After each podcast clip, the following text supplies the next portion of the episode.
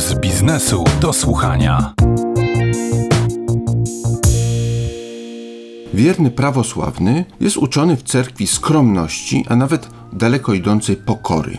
To w prawosławiu cenne wartości. Diametralnie inne wartości uważa się za cenne w biznesie. Na przykład, jeżeli ktoś chciałby robić karierę w korporacji, musiałby chwalić się swoimi osiągnięciami, pokazywać swoje najsilniejsze strony, a nawet toczyć pewnego rodzaju spory czy walkę. Czy można pogodzić bycie prawosławnym z robieniem takiej kariery? Zapytałem o to naszego kolejnego gościa, księdza Andrzeja Kuźmę, duchownego Cerkwi Prawosławnej i pracownika naukowego Chrześcijańskiej Akademii Teologicznej w Warszawie.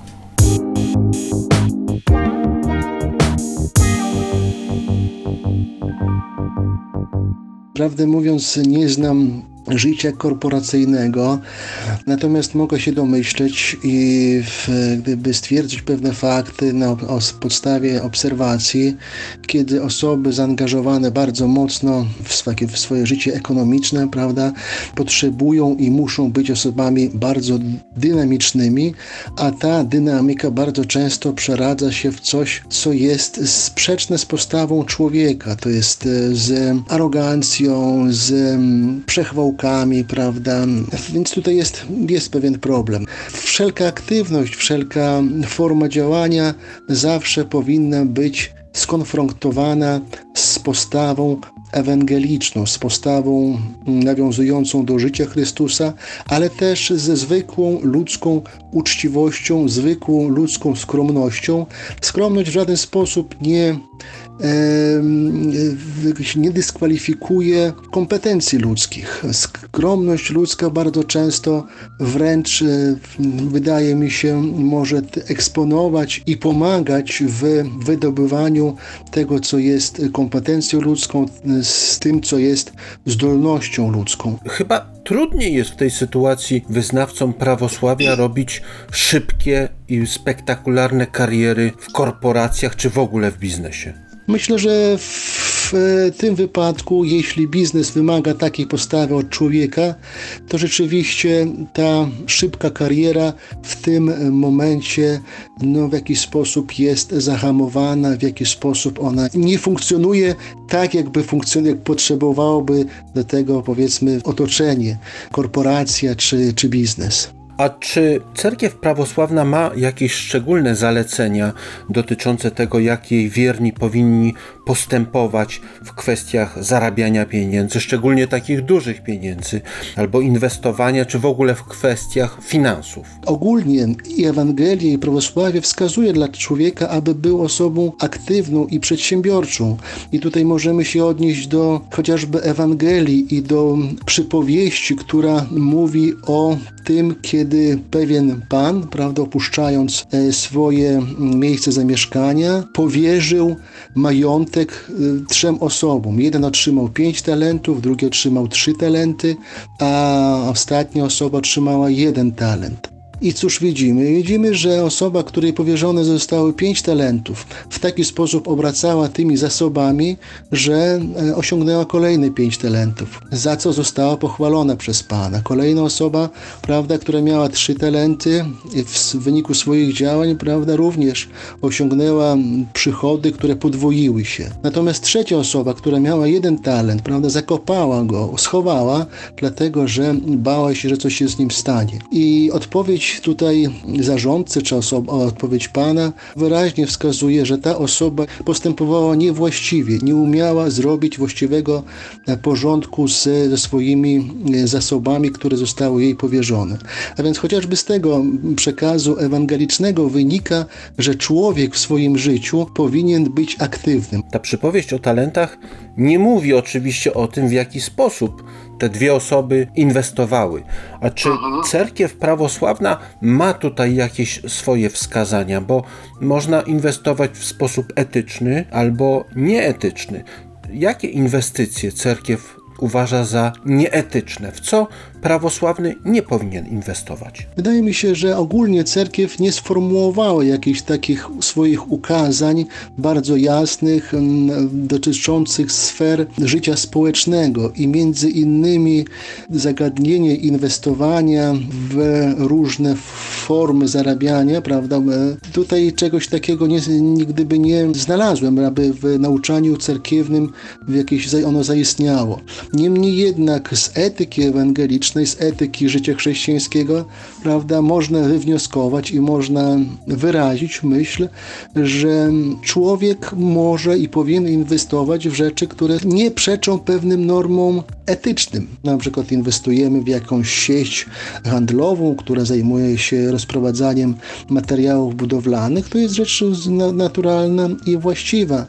Natomiast jeśli powiedzmy inwestujemy w jakieś nowe technologie, które służą tak przychodzi mi na myśl, prawda, do ingerowania w funkcjonowanie płodu, czy prawda, tworzenie jakichś takich klinik, które zajmują się właśnie tą rzeczą nieetyczną, wówczas takie inwestowanie, rzecz jasna, staje się niewłaściwe i niedobre. Wspomniał ksiądz o giełdzie, a giełda różnie jest postrzegana. Nawet niektórzy ekonomiści twierdzą, że giełda jest związana z dużym ryzykiem.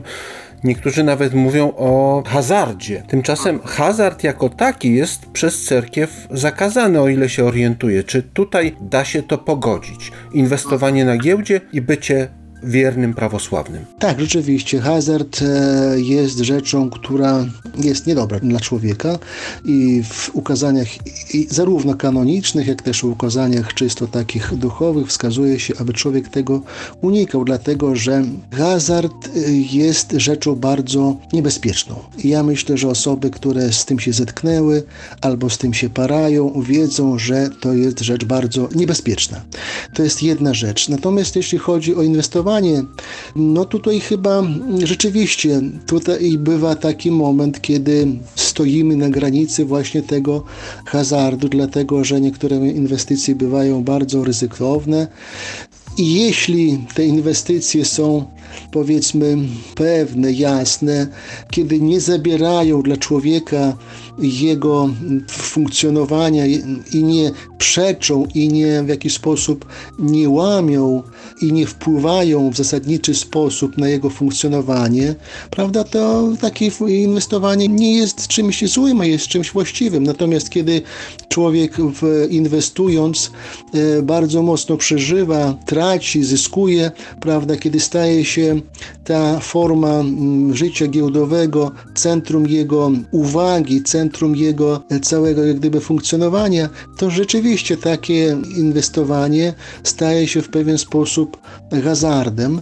Natomiast e, sam hazard jako taki właśnie jest bardzo destrukcyjny, może być bardzo destrukcyjny dla człowieka i dla jego wewnętrznego funkcjonowania. Prawda? Natomiast jeśli ktoś chciałby inwestować, nie widziałbym większego problemu, natomiast e, sugerowałbym e, bardzo mocno zastanowić się nad formą tego inwestowania i nad e, gdyby tym, czy to jest dla samego człowieka dobrym i właściwym. Wspomniał ksiądz już o skromności. Skromność to jest nie tylko postawa, ale też to, że człowiek nie obnosi się ze swoim majątkiem. Są natomiast ludzie ogromnie bogaci, którzy mają majątek znacznie, znacznie przekraczający ich potrzeby. Jak da się pogodzić posiadanie ogromnego majątku z wyznawaniem czy z byciem członkiem cerkwi prawosławnej? Nasuma mi się tutaj takie zdarzenie i myśl, która sięga wczesnych wieków chrześcijaństwa i odpowiedzi na to, czy majątek ludzki, czy jego posiadanie stanowi jakąś, jakiś problem dla e, funkcjonowania duchowego człowieka. Jest taki tekst e, Klemensa Aleksandryjskiego z II wieku, zatytułowany Który człowiek bogaty może być zbawionym? Ten tekst powstał na bazie praktycznego podejścia i praktycznego problemu, jaki zaistniał w Aleksandrii. Otóż w II wieku do kościoła zaczęło wchodzić bardzo wiele ludzi. Aleksandria było miastem bardzo bogatym, było bardzo miastem portowym, o kulturze w większości greckiej i bardzo wielu ludzi bogatych nawracało się na chrześcijaństwo. Ewangelia gdyby zachęcała do ubóstwa, zachęcała do tego, aby żyć w pokorze, prawda, nie przywiązując wielkiej wartości do życia materialnego. I ten tekst Klemensa Aleksandryjskiego jest właśnie odpowiedzią na to, czy osoby, które wchodzą do kościoła i które posiadają ogromny majątek, i ten ogromny majątek, gdyby pomnażają już będąc chrześcijanami, czy to nie przeczy ich życiu duchowemu? I tutaj Klemens odpowiada, że właściwie każdy człowiek, który posiada majątek, czy to jest większy, czy to jest mniejszy, powinien mieć świadomość, że to nie jest jego majątek. Że w każdym momencie te bogactwo może on utracić. I jeśli człowiek będzie z takim nastawieniem do tego podchodził, to jest to, że to nie jest moje, to jest Boże, Pan Bóg daje mi we władanie to, co jest mi dane, ja mogę to dzielić.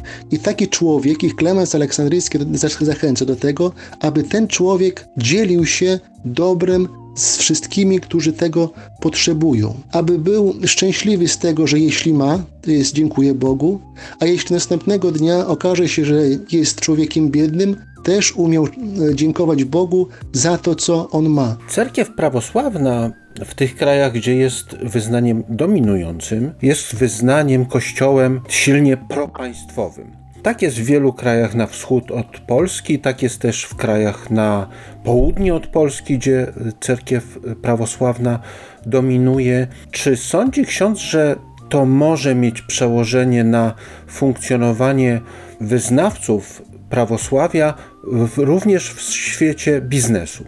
Ja myślę, że ono ma takie przełożenie. Nie chciałbym dotykać tych zagadnień, które są dla mnie mniej więcej nieznane. Niemniej jednak odniosę się do pewnego zdarzenia, które znam.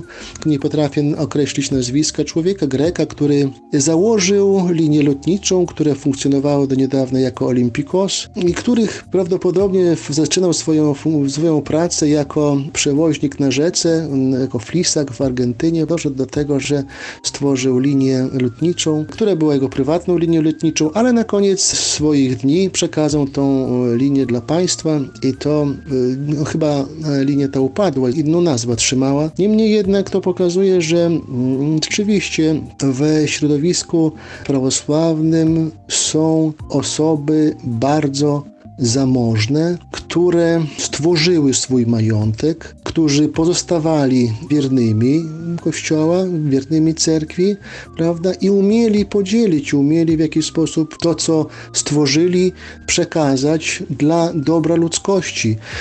Ten człowiek, ja wiem, że wspomagał znacząco cerkiew grecką, natomiast jak gdyby na koniec swojego życia wspomógł znacząco państwo, przekazując te linie dla państwa, dla państwa greckiego.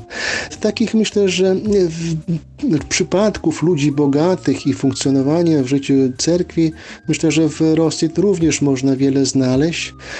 Natomiast jak gdyby takich nie znam jasnych i takich wyrazistych przypadków, gdzie wskazuje się na powiedzmy taką dobroczynność takiego człowieka. Z pewnością takie przypadki są. Mogą to one też przybierać jakąś formę no, niewłaściwą, to jest e, samego chwalenia się i samego takiego popisywania się swoim bogactwem i obdarzania powiedzmy kościoła czy jakichś innych środowisk, prawda, znaczącą swoją fortuną, chociaż zawsze pozostawiamy tą ocenę i zaangażowanie człowieka dla jakiegoś takiego Bożego osądu, niekoniecznie naszego osądu, który może być nasz osąd, niekoniecznie być równy i odpowiadać osądowi Bożemu. Dziękuję bardzo za rozmowę. Naszym gościem był ksiądz Andrzej Kuźma, duchowny Cerkwi Prawosławnej i pracownik naukowy Chrześcijańskiej Akademii Teologicznej w Warszawie. Dziękuję bardzo.